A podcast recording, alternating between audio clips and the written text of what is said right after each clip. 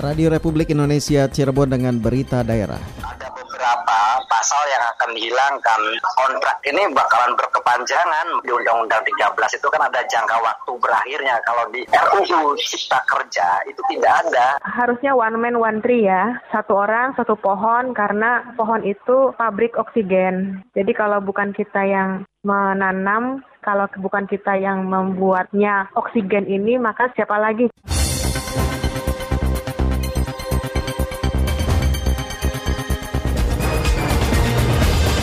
Sari Berita. Serikat Pekerja di Indonesia menolak rancangan Undang-Undang Cipta Kerja atau Omnibus Law. Masyarakat diminta untuk melakukan adaptasi dan mengambil langkah-langkah mitigasi terhadap berbagai dampak perubahan iklim. Bersama saya Nono Kartono, inilah berita daerah selengkapnya.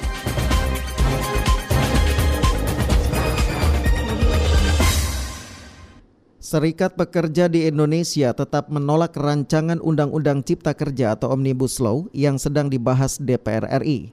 Informasi selengkapnya dilaporkan Yulianti.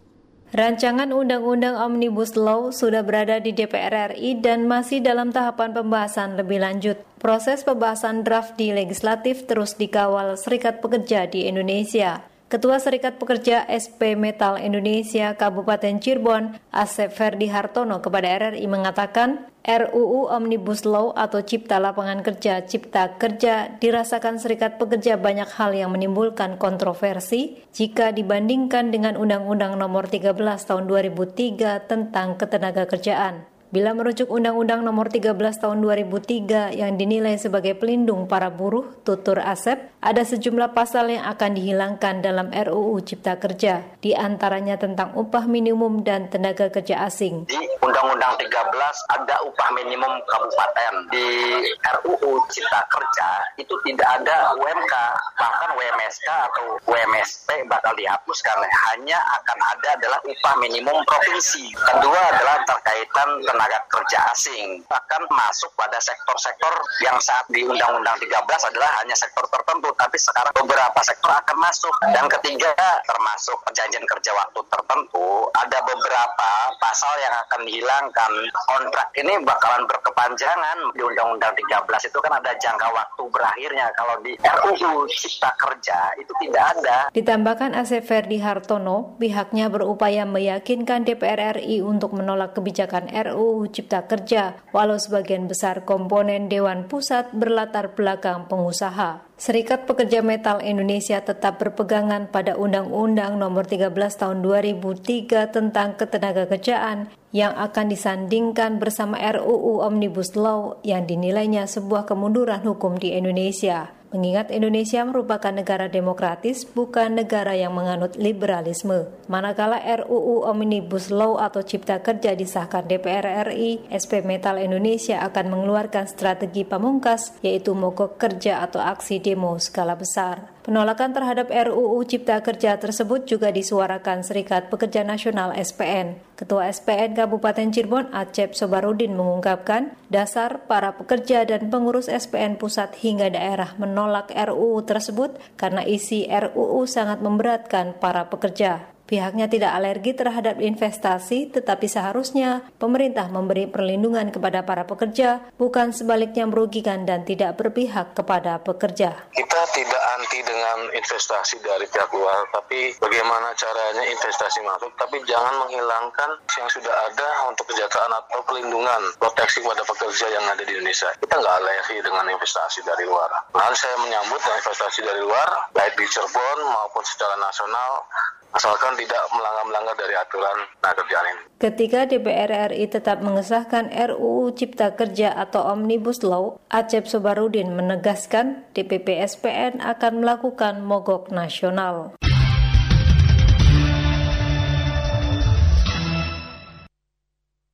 Komentar masyarakat mengenai Omnibus Law dan kehidupan buruh lepas yang berhasil dihimpun RRI. Yang paling riskan itu sebenarnya banyak poin ya menjadi tuntutan para teman-teman buruh. Salah satunya itu penerapan upah per jam dalam jangka waktu satu hari itu sepekan itu 40 jam akan mendapatkan upah seperti biasa. Tapi bagi buruh dengan jam kerja yang kurang dari 40 jam itu akan mendapat upah di bawah minimum. Yang kedua, menghilangkan pesangon. Jadi para buruh nih intinya sih jadi mudah di PHK dalam RUU Omnibus Law Ciptaker ini. Terus yang ketiga itu mudah memperdatangkan tenaga kerja asing ya karena dicari oleh para pengusaha itu ataupun para PT ya itu yang dicari itu adalah skill dari para buruhnya sehingga mereka membutuhkan para tenaga kerja asing sedangkan tenaga kerja warga lokalnya sendiri banyak di PHK. Menurut saya Omnibus Law ini adalah aturan-aturan yang menyederhanakan kendala regulasi yang saat ini berbelit-belit. Namun pada kenyataannya ada sejumlah aturan yang dinilai merugikan kaum buruh seperti menghilangkan upah minimum, menghilangkan pesangon, membebaskan buruh kontak dan outsourcing, mempermudah masuknya tenaga kerja asing, menghilangkan jaminan sosial dan meringankan sanksi pidana bagi pengusaha yang nakal. Nah, menurut saya sih Omnibus Law ini masih ada aturan-aturan yang tidak pro rakyat gitu loh. Apalagi kehidupan buruh sampai saat ini masih jauh dari layak sebab upah mereka tidak seimbang dengan kebutuhan-kebutuhan harga bahan pokok yang semakin melambung. Saya kira Omnibus Law ini memang perlu ditinjau ulang dari kondisi di lapangannya melihat juga di media dengan adanya pasal yang kewenangan presiden dapat merubah undang-undang. Ini menimbulkan kecurigaan publik. Kenapa? Karena ternyata klarifikasi dari tokoh-tokoh pemerintah itu mengatakan bahwa itu salah ketik. Itu baru satu pasal, belum lagi pasal yang lain-lainnya tentang cipta kerja atau perpajakan atau yang lainnya. Jadi apabila memang itu sangat baik untuk bangsa ini, sangat baik untuk masyarakat Indonesia, saya mendukung. Namun namun apabila ada hal-hal yang mengindikasikan permainan-permainan di belakang nanti, kami sebagai masyarakat sangat menyayangkan adanya omnibus. Pendengar untuk membahas lebih lanjut mengenai Omnibus Law seharusnya dibuat untuk pro buruh bukan pro investasi. Kita ikuti wawancara reporter Aji Satria dengan pengamat hukum Cirebon Gunawan Rasta. Pak Gunadik, eh, menurut Pak Gun sendiri seperti apa sih undang-undang tersebut, Pak Gun? Omnibus Law itu kan untuk mempermudah birokrasi, untuk menarik investasi, dan seharusnya juga untuk meningkatkan tahap buruh pendapatannya, bukan untuk ini. Harusnya meningkatkan Betul. pendapatan buruh mestinya sih, hmm. dengan naiknya investasi. Kira-kira itu akan mengekang buruh tidak sih, Pak Gun, atau ya. menguntungkan pihak lain gitu?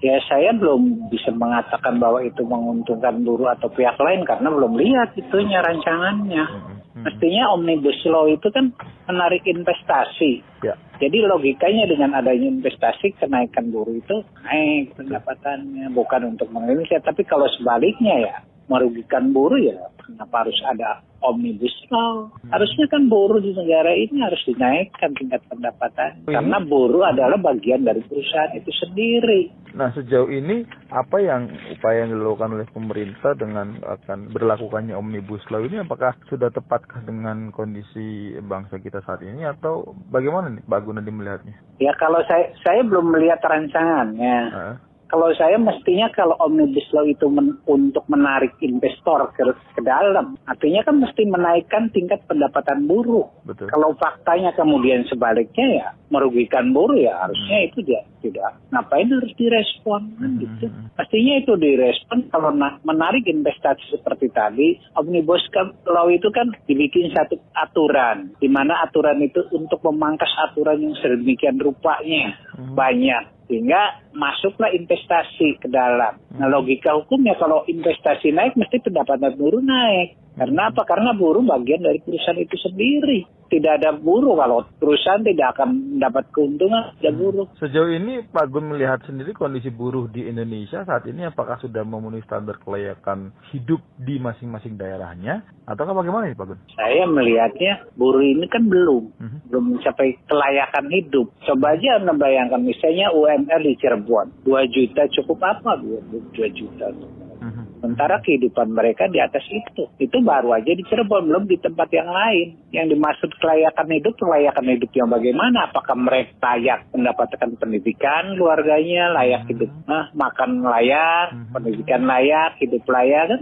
Itu subjektif dari sisi itu. Hmm. Nah, kemudian dengan kondisi yang seperti itu, kadang kan dilema bagi para pekerja yang kadang menuntut untuk standar UMR saja lah kadang kan belum belum belum tercapai gitu apakah hal ini dengan adanya omnibus law ini dapat menolong buruh untuk bisa menaikkan uh, eh, UMR atau setidaknya sama dengan UMR? Idealnya, gitu? idealnya harusnya begitu, bukan menurunkan martabat buruh harusnya menaikkan derajat mereka sebagai hmm. manusia. Menghargai buruh mestinya idealnya begitu. Hmm. Tapi kalau kemudian dalam rancangan itu sendiri malah mempersempit ruang gerak buruh, malah pendapatan buruh ya keliru hmm. kalau menurut saya. Mungkin dalam undang-undang tersebut akankah diatur penyederhanaan berbagai macam aturan-aturan pemerintah terkait dunia pekerja atau bagaimana nih Pak Gun jika hal itu masih merugikan eh, apa nih kira-kira yang harus dilakukan oleh pemerintah nih kira-kira nih Pak Gun? Ya sebetulnya goodwill pemerintah bagaimana goodwill pemerintah punya goodwill untuk menaikkan derajat buruh. Apakah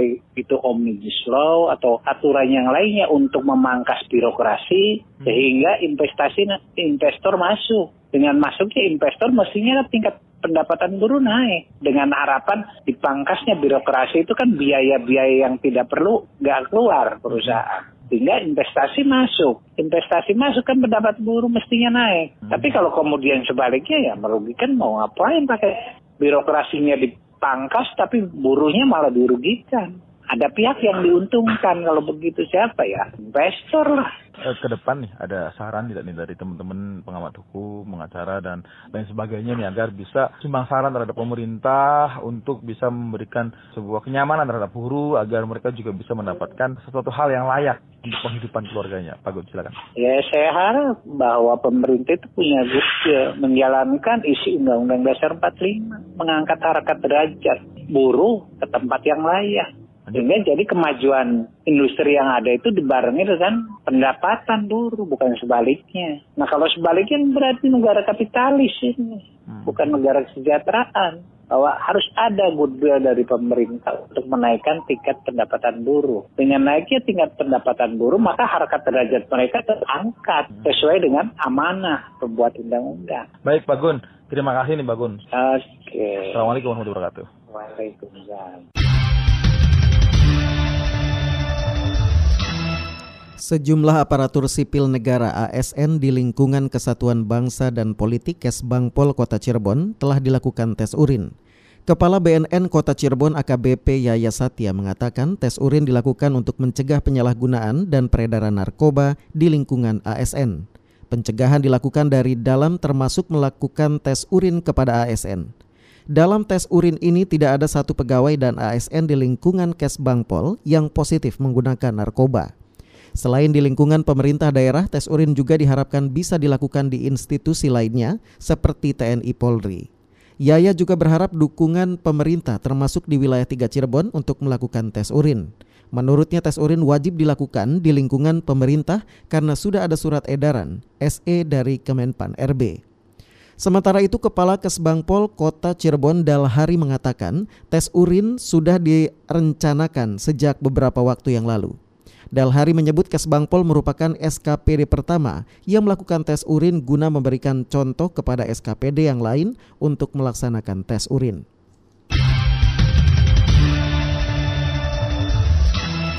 Masyarakat diminta untuk melakukan adaptasi dan mengambil langkah-langkah mitigasi terhadap berbagai dampak perubahan iklim. Selengkapnya disampaikan Lengga Ferdiansah. Program Kampung Iklim merupakan gerakan nasional pengendalian perubahan iklim berbasis masyarakat dalam rangka mendukung upaya peningkatan kapasitas adaptasi dan mitigasi terhadap perubahan iklim dan penurunan emisi gas rumah kaca di tingkat lokal. Tujuan utama dari program Kampung Iklim adalah mendorong masyarakat untuk melakukan adaptasi dan mengambil langkah-langkah mitigasi terhadap berbagai dampak perubahan iklim di lingkungan masing-masing. Demikian dikatakan Kepala Bidang Penataan dan Peningkatan Kapasitas Lingkungan Hidup Dinas Lingkungan Hidup Kota Cirebon Vina Amalia kepada RRI. Dikatakan Vina Amalia perubahan iklim saat ini tidak bisa dibendung, tetapi melalui Kampung Iklim diharapkan perubahan iklim tidak terjadi semakin cepat.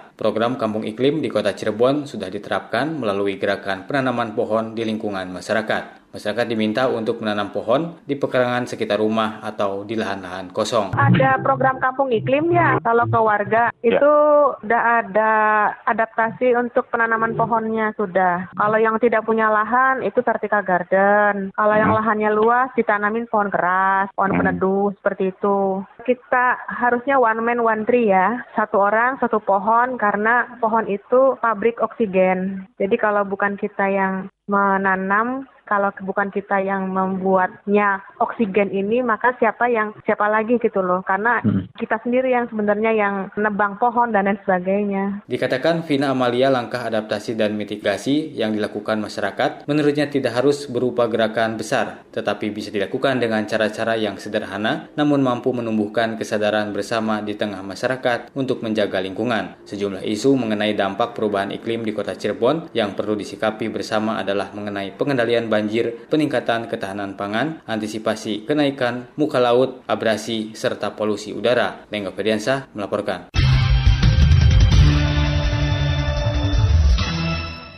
BPBD Kabupaten Cirebon terbuka kepada siapa pun untuk memberikan informasi kebencanaan termasuk dalam kegiatan yang dilaksanakan Gerakan Pramuka.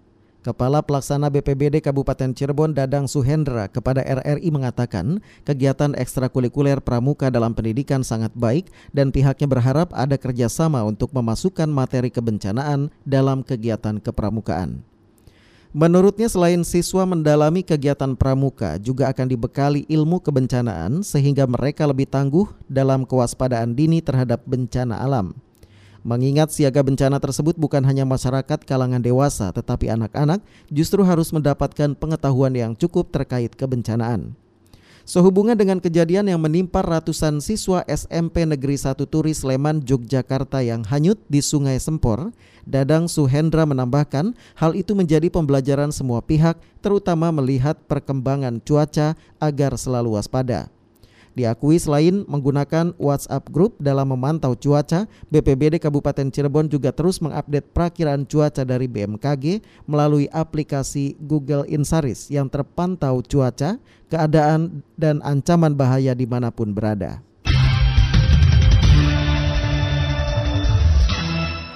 Saatnya kami sampaikan berita olahraga. Berita olahraga. Berita olahraga. KONI Kota Cirebon siap maksimalkan anggaran olahraga 4 miliar rupiah. Informasi selengkapnya dilaporkan Aji Satria.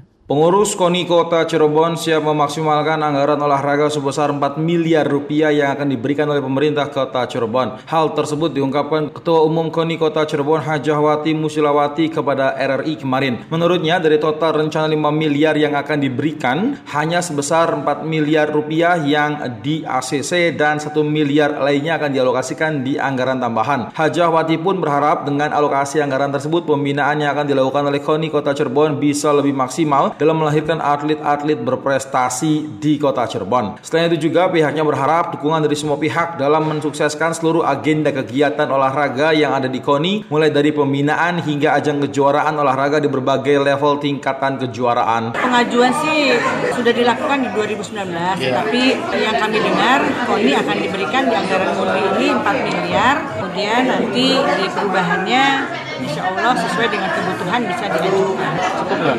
Ya cukup kan cukup namanya kita tinggal bagaimana mengolah amanah baik dalam bentuk target maupun dalam bentuk keuangan karena itu yang diberikan itulah yang harus kita kelola dengan baik dan benar. Anggaran KONI yang sudah berjalan dan anggaran KONI yang akan digulirkan.